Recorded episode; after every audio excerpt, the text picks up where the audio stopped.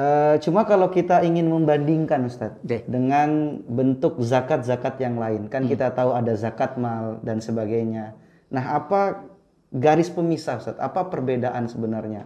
Distingsi antara zakat fitri yang bisa dibayarkan bukan dengan uh, bentuk uh, sesuatu yang bisa dikonsumsi dan zakat-zakat yang lainnya Ustadz. Nah, biar tidak terjadi kebingungan ini Ustadz, di antara ulama, ya, di antara umat. Baik, Bismillahirrahmanirrahim. Pembedanya tentu saja bahwa ini sesuatu yang baru pasti harus diedukasikan, diliterasikan, nah, memberitahu kepada masyarakat bahwa harta zakat itu harus betul-betul efektif okay. dan masyarakat juga harus mengawasi, harus tahu.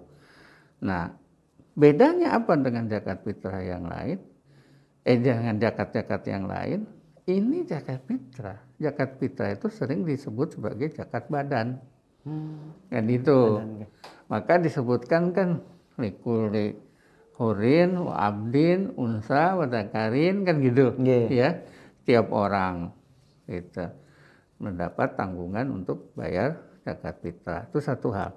Kemudian hal yang kedua yang menjadi pembedanya adalah ini sesuatu yang baru ya hmm. baru jelas yeah. dan saya kira titik tekannya adalah harus ada efektifikasi yang maksimal dari benda zakat hmm. yang dijakatkan atau yang dijakati sehingga tidak ada istilah tabzir salah yeah. satu alasan yang saya kedepankan ketika menulis penelitian tentang ini adalah meminimalisir tabdir. Ya. Dan itu ajaran agama kan.